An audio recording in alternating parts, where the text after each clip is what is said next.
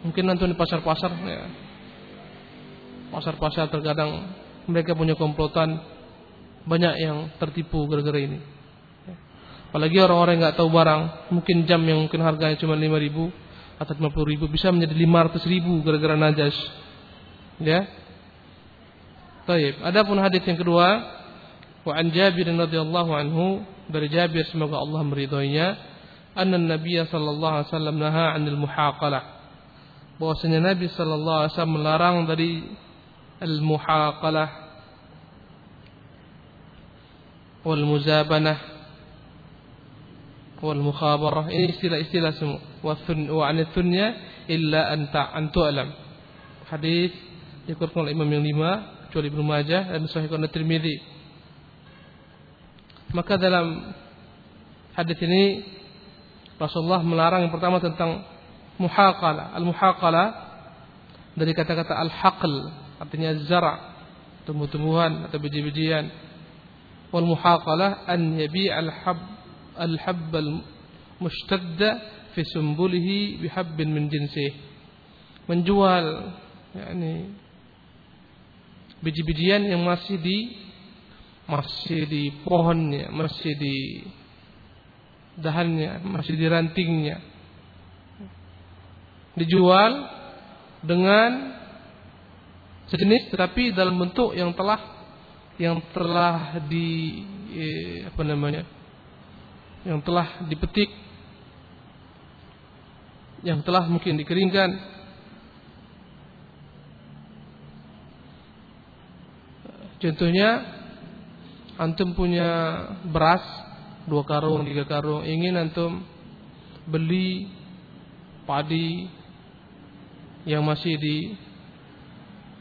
di mana? Di pohonnya apa kita bilang? Di rantingnya mungkin dua dua dua karung dua karung beras yang udah jadi. Antum tukarkan dengan ya ini padi yang telah menguning yang masih di tangkainya tangkai namanya mungkin satu petak tanah tersebut ganti dengan dua dua karung beras. Ini namanya adalah muhaqalah. Dan ini dilarang oleh Rasulullah SAW. Kenapa? Karena tidak jelas ada unsur di sana namanya gharar nggak jelas. Barangkali yang dalam yang masih ditangkai itu ya keadaannya nggak baik. Sehingga akhirnya terjadi kerugian ya, bagi pihak yang membeli dengan beras yang telah jadi. Atau boleh jadi yang di dalamnya itu mutunya lebih tinggi lebih baik daripada yang dalam karung. Kemudian dalamnya juga terdapat riba fadl riba unsur riba. Kenapa? Boleh jadi yakni barang-barang yang apa namanya biji-bijian yang masih ditangkai itu jumlahnya jika dibuat seperti itu pula lebih banyak jumlahnya. Kalaulah berasnya mungkin dua karung, ketika itu semua dipanen menjadi tiga karung atau empat karung, atau bahkan boleh jadi beras yang dua karung ketika dipanen pada tersebut menjadi satu karung atau satu karung setengah. Terjadilah perbedaan. Sementara yang kita telah ajarkan kepada antum, setiap jenis makanan makanan pokok yang bisa disukat, yang bisa ditimbang, yang bisa ditahan lama, yang bisa bertahan lama. Kalau anda yang terjadi pertukaran harus apa? Harus sama beratnya. Harus sama, sejenis harus sama. Nggak boleh antum pinjam beras satu kilo, antum balikkan nanti dua kilo, itu riba. Di situ kena riba nasiah dan riba fadal, dua-duanya kena. Atau antum transaksi satu kilo beras yang kondisinya bagus, mungkin beras apa yang paling bagus? Beras ramos atau apa kan. Ditukar dengan dua kilo yang mungkin yang beras jatuh. Untuk jatah orang-orang tertentu ya. Andai kata satu kilo beras ditukar dengan dua kilo. Boleh nggak? Coba antum jawab dulu boleh nggak? Iya satu kilo ini berasnya yang mahal harganya. Mungkin satu kilo tujuh ribu. Sementara yang dua kilo itu yang murah. Mungkin satu kilonya tiga ribu atau 2500 atau 3500. Bolehkah yakni ditukarkan beras yang satu kilo dengan beras dua kilo walaupun perbedaan kualitasnya boleh nggak? Nggak boleh. Riba apa namanya? Riba apa seperti ini? Riba fadl. Jadi riba itu dibagi dua. Antum ulang-ulang kita ulang-ulang nggak masalah. Riba dibagi dua. Yang pertama namanya riba fadl. Yang kedua namanya riba nasiah. Riba fadl itu adalah yakni jual beli barang-barang yang ditentukan dalam agama ini yang mana yang satu lebih banyak daripada yang lain itu namanya riba fadl Rasulullah menyebutkan ya al-dhahabu bil-dhahab wal-fiddatu bil-fiddah والشعير بالشعير والبر بالبعير والبر بالبر والحنطة بالحنطة والملح بالملح مثلا لمثل Wajhan biwajhin. Oh kama qala sallallahu kata Rasulullah, setiap bentuk jual beli emas dengan emas, perak dengan perak, gandum dengan gandum, ya, kurma dengan kurma, apalagi garam dengan garam, semuanya harus sama beratnya, mislan bimislin, harus sama, nggak boleh lebih satu daripada yang lain. Wajhan biwajhin harus cash dengan cash. Ya, ini riba fadl. Antum menukarkan emas yang mungkin udah patah-patah satu gram. Taruhlah ya. Ditukarkan dengan emas yang masih bagus. Baru dicetak setengah gram. Ini namanya riba apa? Riba fadl. Kata-kata fadl dalam bahasa ini adalah kelebihan. Fadl. Ya, ini kelebihan satu jenis barang daripada yang lainnya. Maka prinsip al-muhaqalah ini dilarang. Al-muhaqalah tadi kita katakan menjual tanam-tanaman atau makanan e, biji-bijian di atas apa namanya tadi? tangkainya dengan yang semisalnya tapi udah jadi dilarang. Namanya apa tadi? Muhaqalah. Sudah paham? Ada sebab larangannya dua hal. Pertama ada ada unsur jahala atau gharar, nggak jelas. Yang ditangkai itu nggak jelas. Ya.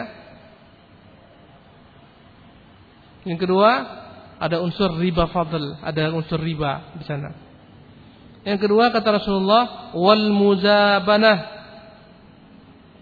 Kata-kata al muzabanah dari tinjauan bahasa maknanya adalah ad-dafa bi syiddah. yakni menolak dengan keras Adapun dimasukkan dengan muzaban di sini adalah syira'ur rutab fi ru'usin nakhli bitamri. Membeli kurma yang segar namanya rutab. Masih di pokoknya dibeli dengan kurma yang telah dikeringkan. Disebut dengan bai'ul muzabanah dengan muzabanah di sini karena kebiasaannya ini akan membuahkan pertikaian antar penjual dan pembeli. Biasanya ada yang dirugikan satu pihak. Rasulullah melarang yang namanya muzabana. Contohnya antum menjual gandu uh, apa namanya? buah anggur. Anggur yang masih ditangkainya ya antum jual dengan anggur yang telah dikering, dikeringkan apa namanya? Kismis. Kismis namanya. Ya. Antum bawa kismis contohnya satu satu ini satu karung. Antum beli anggur yang masih basah yang masih ditangkainya ini dilarang oleh Rasulullah SAW. Kenapa dilarang? Ya, karena konsep dua tadi. Dalamnya ada unsur jahalah atau gharar, nggak jelas. Yang dikeringkan ini berbeda dengan yang masih basah beratnya. Kalaulah yang basah diturunkan, dikeringkan, boleh jadi dia lebih lebih sedikit atau lebih banyak. Apa pun ceritanya, baik dia lebih sedikit daripada yang telah jadi ataupun lebih banyak, riba apa namanya? Riba fadl. Sementara konsep kita yang namanya anggur, baik dia dikeringkan dengan yang masih basah, kalau ditukarkan harus sama. Bagaimana mungkin sama sementara ini kering, ini basah? Ya, karena itulah ada pihak dirugikan, maka dilarang. Mungkin antum heran, Ustaz ini bicara kok seperti ini. Kenapa nggak langsung dibeli dengan uang? Ya. Ini terjadi barter antar petani. Petani nggak punya uang, dia punya barang. Ya. Dulu kala ikhwan orang itu nggak pakai beli membeli itu nggak pakai uang. Dan sebagian tempat boleh jadi tempat-tempat terpencil mereka nggak jual uang.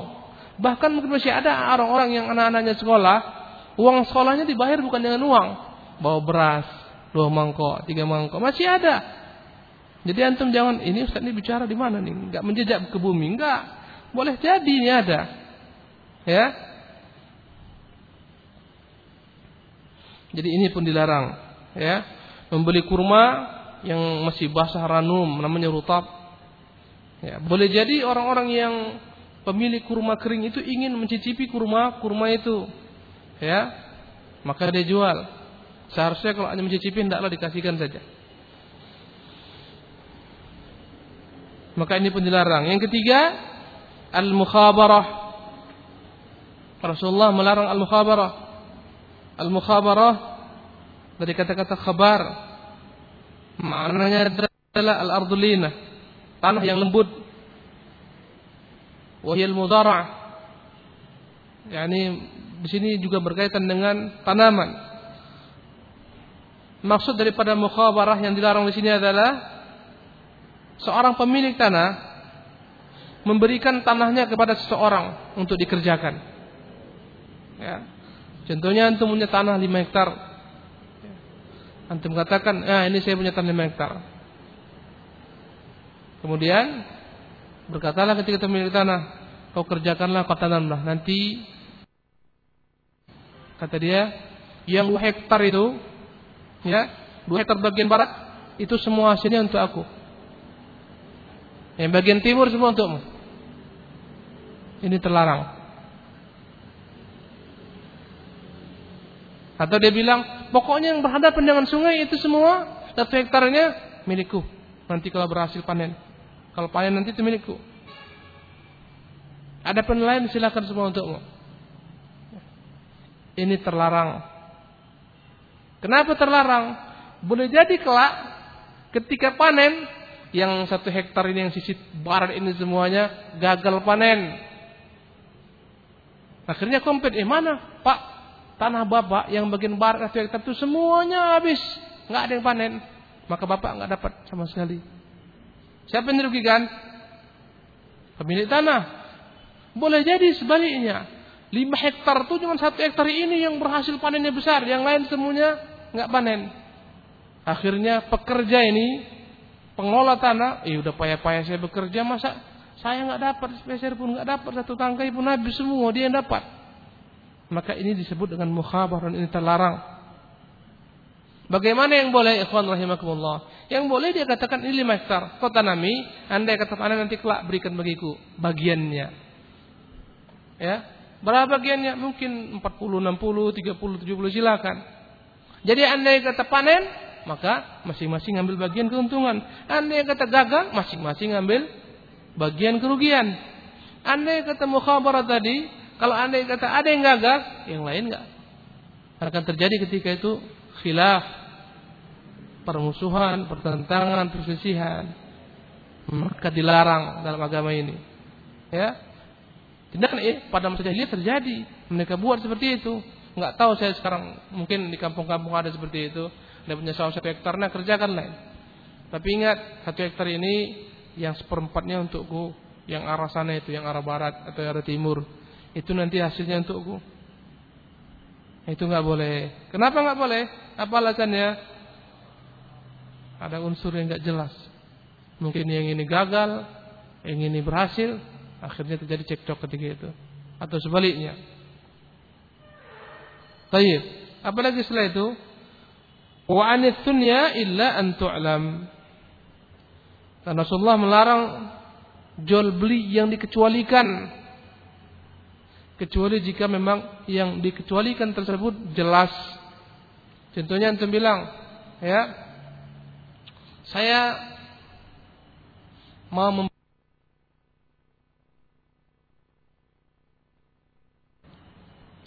punya rumah dua atau tiga rumah untuk katakan ini rumah mau saya jual kecuali rumah yang sudut itu saya itu nggak dijual boleh nggak boleh yang nggak dibolehkan adalah ketika tidak diberitahukan mana. Ya. Maka jual beli ini dilarang oleh Rasulullah SAW karena ada konsep apa? Karena ada konsep di sana konsep gharar nggak jelas. Ya. Pokoknya ya kawan, segala macam jual beli yang rusak kembali kepada beberapa konsep yang telah kita ajarkan kemarin tiga nggak salah saya. Ada riba, ada jahalah atau gharar nggak jelas, ada kezaliman. Ya, kezaliman, penipuan seterusnya. Baik, baca hadis berikutnya. Silakan. An Anas radhiyallahu anhu qala naha Rasulullah sallallahu alaihi wasallam anil muhaqalati wal muqadarati wal mulamasati wal munabadati wal muzabanati rawahul Bukhari طيب وعن أنس رضي الله عنه قال dari Anas semoga Allah meridhoinya dia berkata Naha Rasulullah sallallahu alaihi wasallam anil muhaqalah. Rasulullah melarang muhaqalah. Al muhaqalah yang tadi diterangkan menjual tanaman tertentu, biji-biji tertentu ditangkainya dengan sejenisnya tapi telah dalam bentuk yang telah jadi ya, yang telah disukat, telah ditimbang, dilarang. Wal mukhadarah. Al mukhadarah adalah menjual yakni biji-bijian atau buah-buahan yang masih hijau, masih di pokok, terlarang. Kadang-kadang ya pemilik-pemilik apa namanya tanaman ini didatangi oleh ya, pedagang. Belum lagi dia sempurna masanya, rambutan masih hijau-hijau putih-putih. Langsung datang dia borong, Pak. Ini semua rambutan di petas pokok ini saya bayar, Pak. Ya, berapa? Semuanya saya hargai dengan 100 ribu rupiah. Enggak diambilnya ketika itu. Kapan diambilnya? Ketika panen. Ini terlarang. Kenapa terlarang? Enggak jelas. Jangan-jangan enggak panen dia sama sekali. Uang udah keluar, uang udah dipakai. Ya, uang udah dibelanjakan ketika pas mau datang semuanya gugur, Pak. Datang angin kencang, gugur semuanya. Eh, balikan uangku. Ya, Bapak sudah beli. Terjadilah ketika itu percekcokan. Ya, dilarang ada unsur di sana spekulasi, gharar, nggak jelas, ya. Terkadang kadang-kadang yakni buah tersebut pun lebih banyak daripada uang yang dibayar. Dia bayar satu ribu ternyata kalau anda kata buah itu diturunkan dan dijual boleh jadi dia jadi dua ribu, tiga ribu. Akhirnya dirugikanlah pihak pihak yang pemilik pemilik tanaman tersebut. Ini namanya apa? Al-mukhadarah. Terlarang. Kecuali anda yang kata memang antum mau beli buah yang memang yang mentah. Itu boleh. Ya, mungkin kurma-kurma itu yang masih muda diturunkan semua. Memang mau dibeli, bukan untuk di dimakan manusia untuk hewan contohnya. Boleh. Ya, antum entah rambutan itu bisa digunakan untuk apa bahan tertentu. Yang muda-muda yang masih putih itu diturunkan dibeli semua. Apakah untuk makanan? Boleh enggak? Boleh. Ya enggak boleh dibeli untuk ditunggu kelak ketika dia panen ini nggak boleh. Namanya apa? Mukhadarah.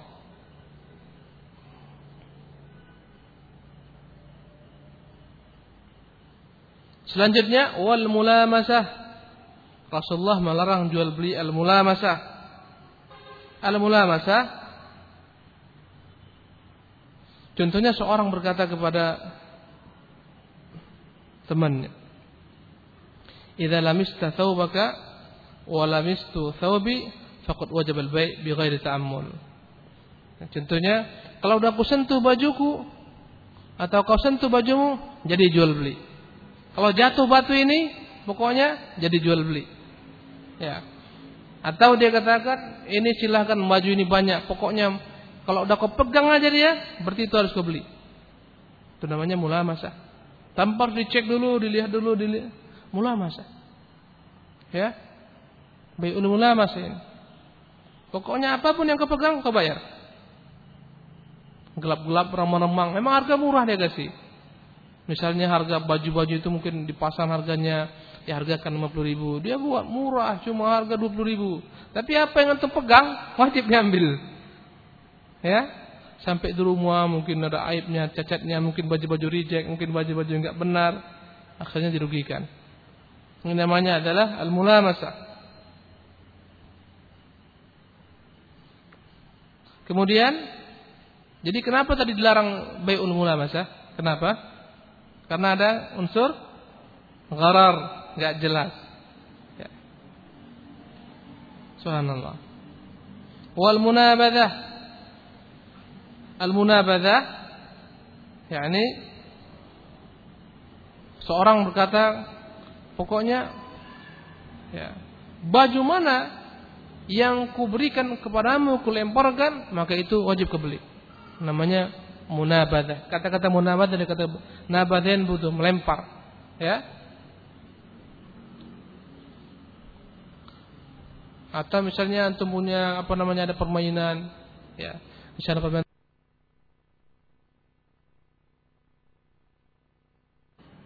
Kemudian wal muzabanah.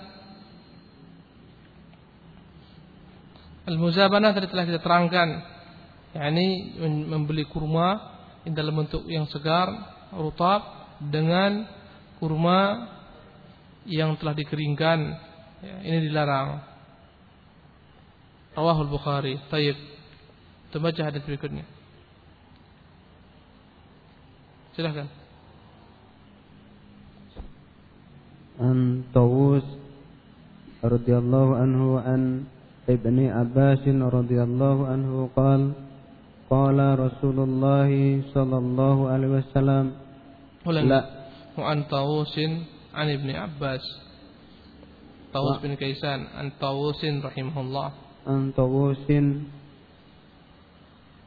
terus wa an Tawus an Ibni Abbas. وعن طاووس عن ابن عباس رضي الله عنه عنهما رضي الله عنهما قال قال رسول الله صلى الله عليه وسلم لا تلقوا الركبان ولا ولا يبيع حدر لباد قلت لابن لابن لابن عباس ما قوله ولا يبيع حذير لباد قال لا يكون له سمسار متفق عليه ولفظ للبخاري طيب وعن طاووس عن ابن عباس رضي الله عنهما dari Tawus bin Kaisan dari Ibnu Abbas radhiyallahu anhuma qala dia berkata qala Rasulullah sallallahu alaihi wasallam bersabda Rasulullah sallallahu alaihi wasallam La talaqqur rukban ay la tatalaqqur rukban. Janganlah kalian mengejar para pedagang sebelum sampai ke pasar. Pasarnya Sagulung contohnya, pasarnya Fiari. Antum nunggu di di simpang apa itu? Simpang apa namanya? Simpang Barelang. Itu yang keluar pokoknya yang keluar dari mana namanya? Dari daerah Tembus itu untuk cegat ya. Kemudian orang-orang di tembus ini nggak tahu harga pasar kebiasaannya ya. Orang-orang yang di pedalaman ini kan Batam kecil. Biasanya kalau pedang-pedang ini langsung ke pasar mereka. Kalau di Batam ini. Di tempat lain enggak ya kawan tempat lain di daerah yang masuk ke pelosok-pelosok. Yang mungkin transportasinya pun payah dan segala macam bentuknya. Datanglah pedagang-pedagang kota yang dia tahu harga dia tahu harga pasaran misalnya cabai itu sekarang di pasaran lagi tinggi harganya. Ada kenaikan harga mungkin harga yang seharusnya dari 7 ribu, 14 ribu. Ya. Akhirnya datanglah dia kepada petani-petani yang nggak tahu informasi. Dia kejar ke sana. Petani sudah siap-siap mau pergi ke pasar. Mereka cegat. Mereka borong di tempat Ya, ini dilarang Nabi SAW. La talakur rukban. Kenapa dilarang? Apa jawabannya? Merugikan para petani dan merugikan merugikan e, para konsumen di pasar. Kenapa merugikan para petani? Mereka mendapatkan harga yang tidak seharusnya. Ya. Seharusnya mereka mendapatkan harga yang lebih tinggi jadi harga yang lebih rendah. Demikian dengan para konsumen para konsumen mereka pun dirugikan. Kenapa? Yang seharusnya mereka dapat dengan harga yang rendah, terpaksa mereka bayar dengan harga yang tinggi setelah dimainkan oleh para para pemain-pemain ini. Ya. Yang buat naik harga di pasar itu kan karena, karena seperti ini. Jadi tinggi harga di pasar itu. Kalau anda kata mereka datang masing-masing ke pasar, itu pasar murni akan lebih murah harganya. Karena yang menentukan adalah pasar sendiri, masyarakat sendiri. Ya, kalau anda kata biasanya banyak barang, dia akan harga akan murah, barang sedikit harga akan mahal, kan begitu. Itu konsep pasar. Tetapi karena adanya orang-orang ini yang murah pun jadi mahal. Dilarang Rasulullah sallallahu alaihi kurban. Janganlah kalian mencegat para pedagang. Wala yabi hadir libat. Janganlah para pemukim orang-orang yang tinggal di kota menjual untuk orang-orang yang tinggal di pedalaman. Diambil, nah, biar saya yang tangani, biar saya yang jualkan lah. Atau saya bayar semuanya. Subhanallah. Boleh jadi dia bilang, pokoknya Bapak terima beres, biar saya yang jual karena yang penting untung. Tentunya akan dia naikkan harga suka hati dia. Ya. Atau boleh jadi dia langsung bayar yang harga yang rendah tentunya. Qultu Ibnu Abbas, "Ma qawluhu wala yabi hadhal libad?" Kutanyakan kepada Ibnu Abbas, maksudnya apa? Orang kota itu nggak boleh untuk menjualkan punya orang desa. Kata Ibnu Abbas, la yakuna lahu simsaran agar jangan jadi dia agar jangan sampai orang kota menjadi maklar bagi para pedang, bagi para petani-petani. Simsar artinya maklar. Ya. Yang barang itu adalah para petani yang menguasai harga harga itu menentukan harga siapa? Pihak-pihak orang kota. Ini namanya simsar. Maklar. Ya. Yang akhirnya petani dirugikan, konsumen pembeli pun dirugikan. Makanya dilarang. Maka kata Rasulullah SAW, janganlah kalian mencegat para para pedagang tempatnya. Dan jangan pula orang-orang kota menjual, menentukan harga pasar untuk orang-orang yang yang memiliki barang-barang yang memiliki dagang memiliki apa e, hasil hasil bumi Baik. Teruskan hadis berikutnya. An Abi Hurairah radhiyallahu anhu qala qala Rasulullah sallallahu alaihi wasallam la talaqqul jabala la talaqqul jalaba faman faman faman tulukiya fasturiya minhu فإذا تما فإذا أتى سيده فإذا أتى فإذا أتى سيد السوق وهو بالخيار رواه رواه مسلم طيب Wa an Abi Hurairah radhiyallahu anhu qaal. Dari Abu Hurairah semoga Allah meridhoinya dia berkata, qala Rasulullah sallallahu bersabda Rasulullah sallallahu Jika tidak dalam bentuk larangan dari sahabat ini langsung Rasulullah yang melarang. Kata Rasulullah, talakul jalab. Jangan kalian mengejar para pedagang pedagang hasil bumi, para petani yang membawa barang dagangannya untuk dijualkan. La talakul jalab. Janganlah kalian mencegat para para petani yang ingin menjual barang dagangannya. Faman tuluqiya fasturiya minhu. Barang siapa daripada para petani ini yang dicegat kemudian dibeli barang-barangnya fa idza ata sayyiduhu suq ketika dia sampai ke pasar Fahuwa bil khiyar. Dia lihat ternyata di pasar harganya tinggi, dia nggak tahu, maka dia punya hak untuk khiyar. Khiyar apa? Dia tarik kembali barangnya seluruhnya, ya, atau dia minta kerugian. Misalnya dibeli daripadanya harga 10 ribu, di pasar harganya 20 ribu, dia minta. Ya, diminta ketika itu harga pasar.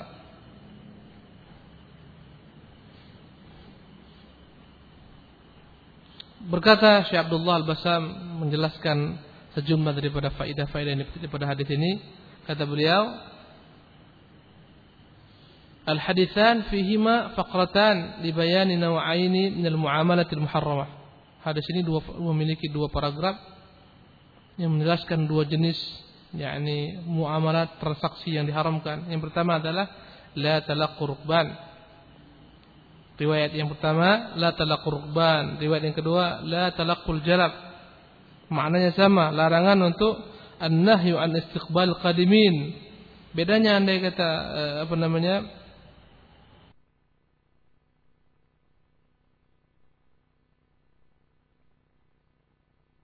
Oke lah, nggak apa-apa nanti biar saya jualkan, kalian terima bersih aja lah. Bahkan terkadang ditambahkan, enggak saya beli nanti 9 ribu perak, nanti saya berikan kepada Pak 9 ribu perak. Sampai di pasar dia bom pasar. Dibuatnya harga 20 ribu, ya, dan seterusnya 15 ribu.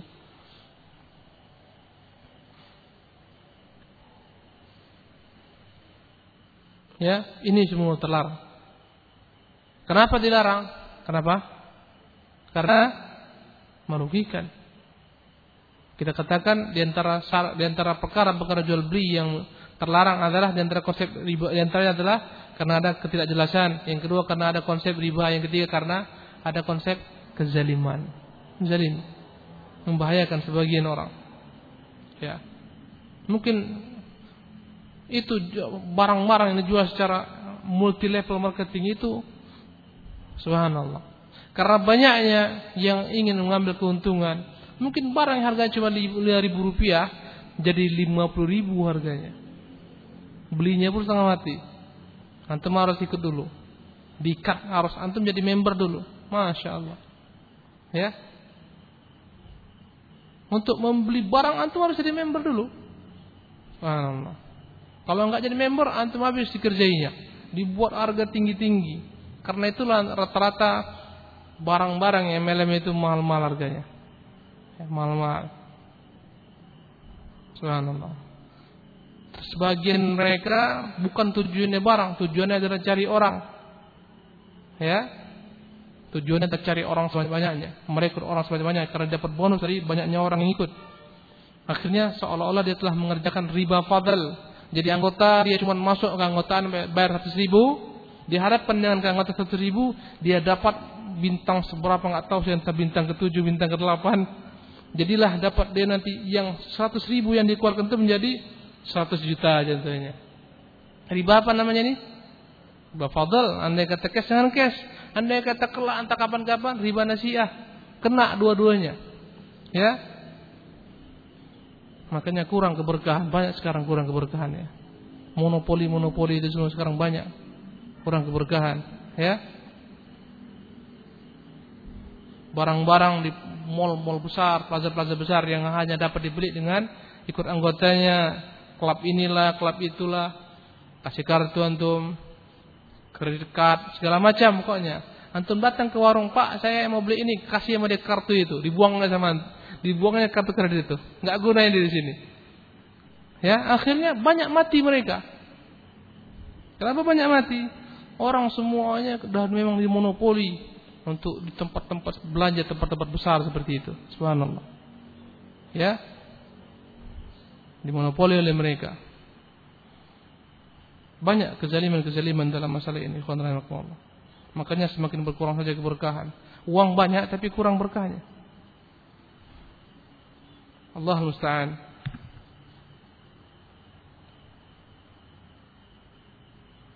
Dalam Sahih Muslim, ya, dari Jabir Rasulullah bersabda, "La yabi' hadirun nibat." Janganlah orang-orang kota itu ngakali orang desa untuk menjualkan barangnya. Da'un nas yarzuqullahu ba'dahum min ba'd. Biarkan mereka berjual sendiri. Biar mereka tahu sendiri harga pasar. Biarkan Allah memberi rezeki sebagian manusia dari sebagian lainnya. Kata Rasulullah SAW.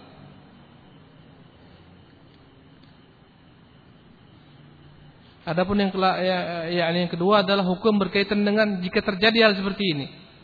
Ya, dalam konteks agama Islam jika terjadi seperti ini diakali para pedagang-pedagang dari desa itu yang nggak tahu, diakali oleh orang-orang kota, dirugikan mereka, ya. Kemudian mereka datang ke pasar, mereka tahu ternyata mereka dirugikan besar, maka dalam Islam mereka berhak mengadu, melaporkan hal ini kepada kepada e, pengadilan, ya, mahkamah syariat. Kemudian mereka berhak untuk minta kembali kekurangan daripada yakni uang yang mereka dikibuli di toko. Subhanallah. Banyak sekarang kita lihat berbagai macam bentuk tipuan-tipuan dalam berjual banyak sekali, ya. Kadang dalam bentuk jual pulsa, macam-macam. Ya. Macam-macam penipuan.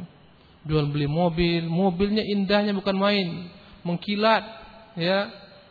Semuanya mengkilat. Dipakai enak. Ternyata memang udah di setting, ini hanya bisa pakai sebulan. Setelah sebulan dah turun mesin semua. Ya. Banyak sekali penipuan-penipuan dalam hal ini. Akhirnya dampaknya apa? Kurang berkah. Baik, baca hadis terakhir. Silakan. وعن أبي هريرة رضي الله عنه قال نهى رسول الله صلى الله عليه وسلم أن يبيع. أن يبيع يبيع. أن يبيع هدر لبدين. لباد. لباد.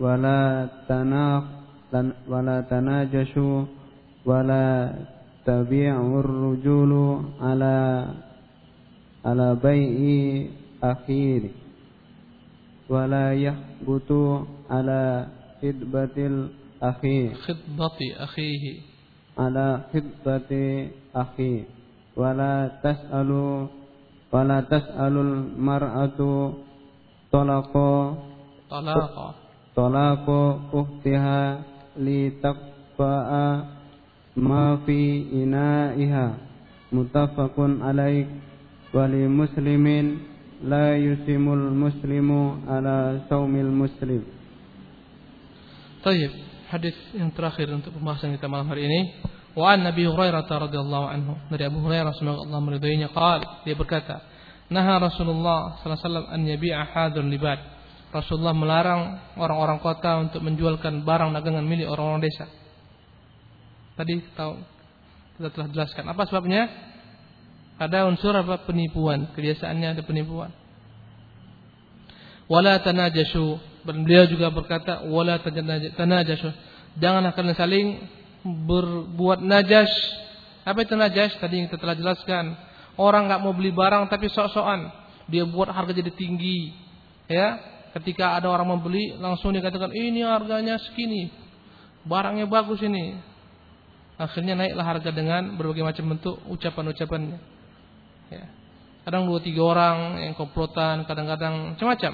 Ini semuanya najas, iklan yang berlebih-lebihan, barang yang seharusnya harusnya tidak seperti itu, tapi dengan iklan jadilah seolah-olah di barang yang super mewah, naiklah harganya beratus kali lipat. Ini namanya najas, dilarang.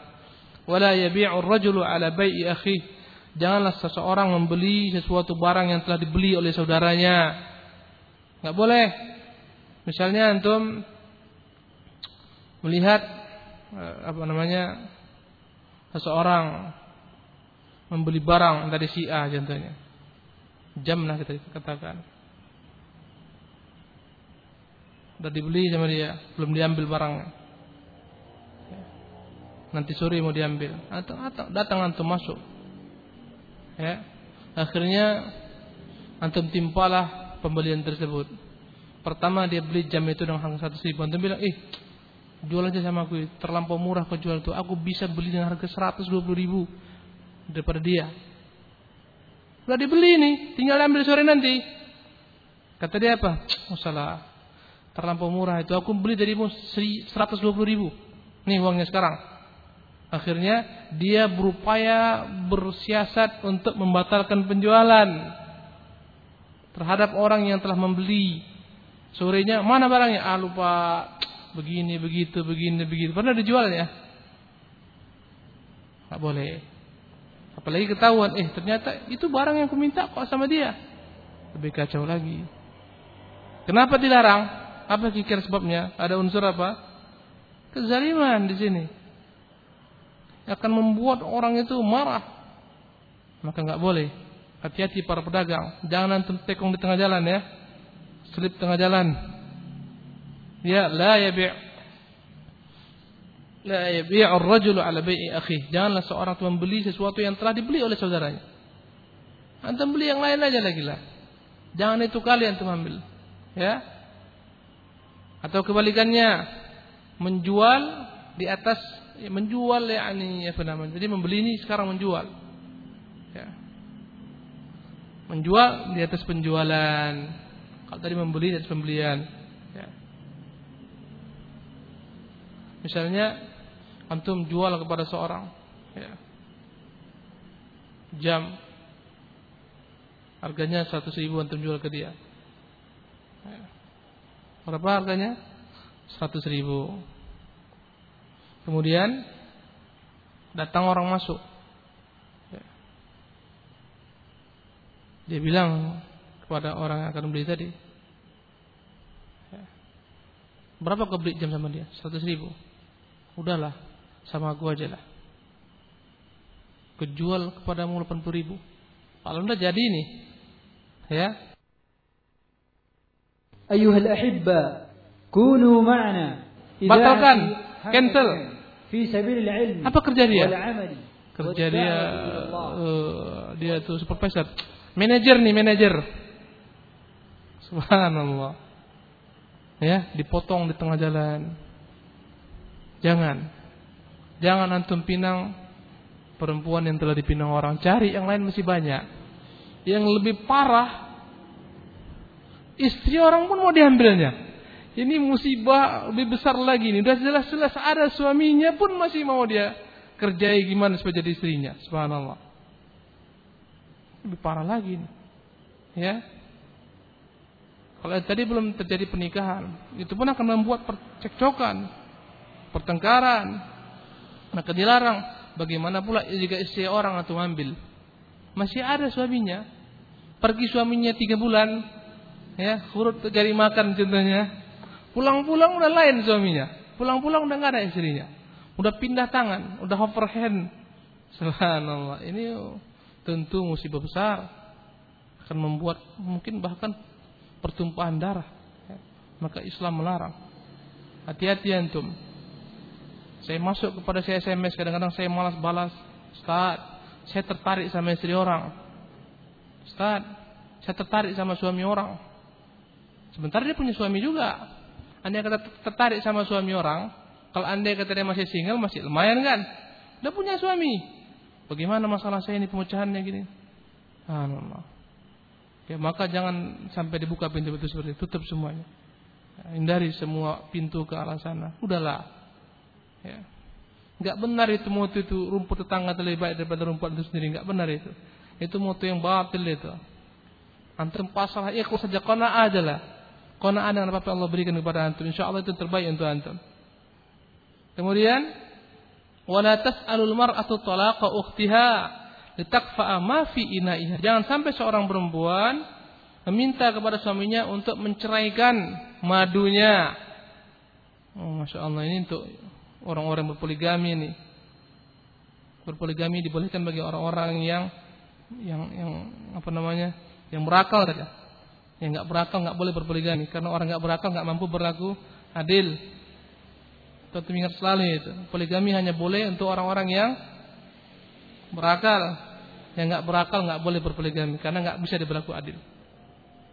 Jadi jangan sampai seorang perempuan mengatakan kepada suaminya, "Bang, udahlah cerikan dari si fulana itu." nggak boleh litakfa ma fi ina'iha agar dia tumpahkan semua piring yang ada di madunya itu. Maksudnya apa? Supaya jangan sampai pindah rezeki dia, pindah harta suaminya kepada berbagi kepada istri lainnya. Jangan. Ini zalim ini. Perempuan-perempuan kadang-kadang kalau nggak Allah taala ya. Kalau nggak berakhlak mulia, nggak berilmu, jadi jadi musibah bagi suaminya. Repot suaminya dibuatnya. Ya. Berupaya dia bagaimana supaya madunya diceraikan. Berbagai macam cara. Dari cara-cara halus sampai cara-cara kasar. Cara halusnya datang ke dukun, buat supaya suaminya benci kepada madunya. Ini syirik, kufur, wa billah. Ya, berbagai macam cara.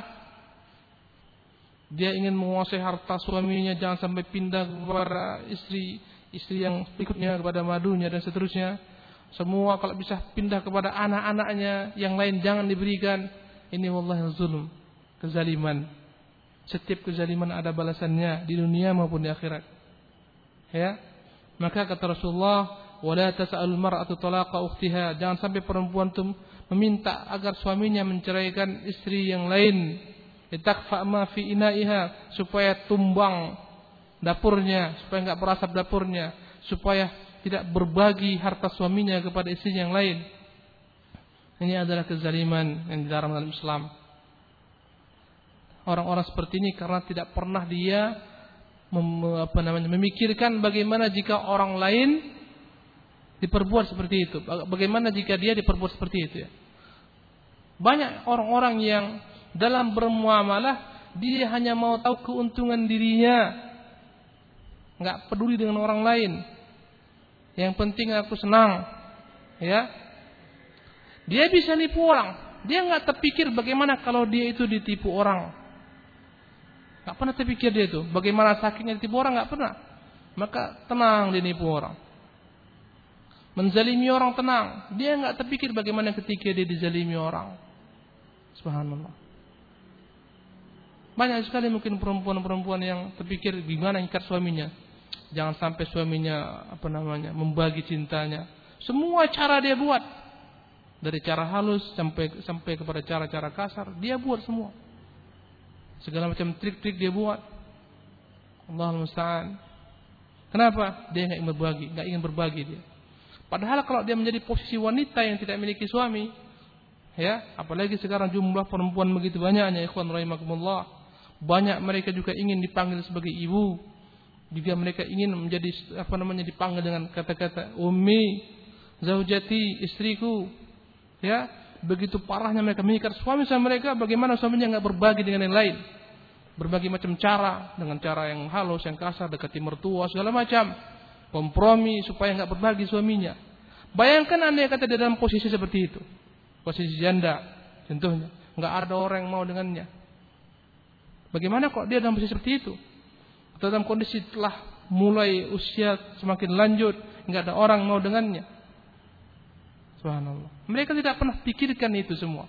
Yang mereka pikirkan adalah yang penting saya enak. Yang lebih parah lagi udah terjadi. Dia ingin supaya yang lain diceraikan oleh suaminya. Ini lebih zalim lagi. Apalagi sampai pada tingkat datang ke dukun dan seterusnya. Allah musta'an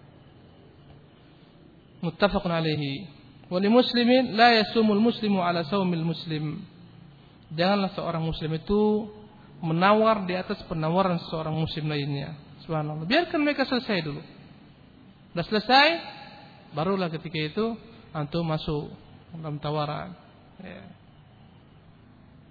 Ya. Wallahu taala alam. Demikianlah ikhwan kajian kita malam hari ini. Semoga Allah SWT menambah ilmu kita. Semoga Allah SWT menjaga kita daripada segala macam yakni rezeki yang haram, daripada segala macam transaksi muamalat yang haram dan semoga Allah memberkahi usaha kita di dunia ini dan di akhirat. Aqulu qawli hadza wa astaghfirullah li wa lakum wa atubu ilaihi wa sallallahu wa sallam Muhammadin jika ada yang bertanya silakan. Fadal. Silakan.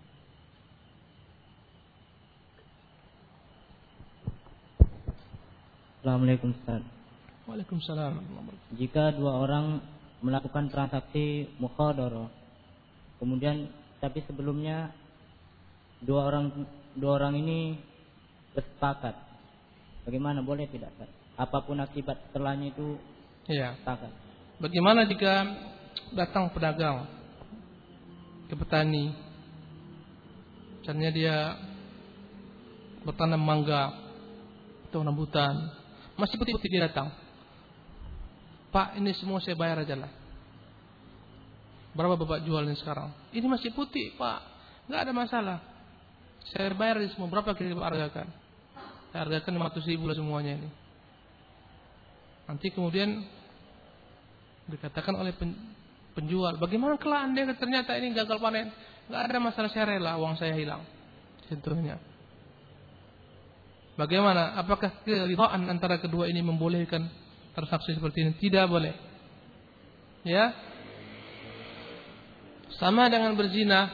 Kan, ya, kan sama itu sama itu. Boleh enggak? Enggak boleh. Terharam. Haram. Berselingkuh. Masing-masing udah punya pasangan. Sama-sama rela dia berselingkuh. Boleh enggak? Enggak boleh, haram. Transaksi riba, antum minjam ke bank. Antum dah rela. Dicas sekian jika terlambat, dicas sekian jika terlambat. Antum rela membolehkan apakah kerelaan yang menjadi standar suatu perkara menjadi halal? Tidak. Semuanya kembali kepada syarak, pada syariat. Allah taala alam. Fadal, silakan Pak Asep.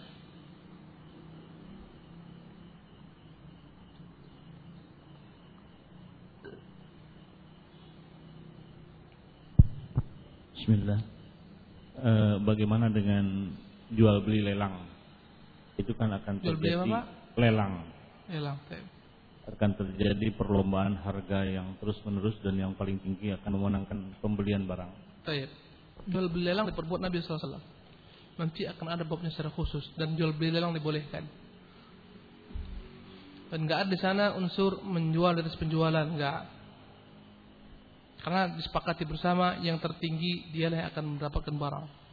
Ya, nanti insya Allah akan ada pada hadis yang khusus.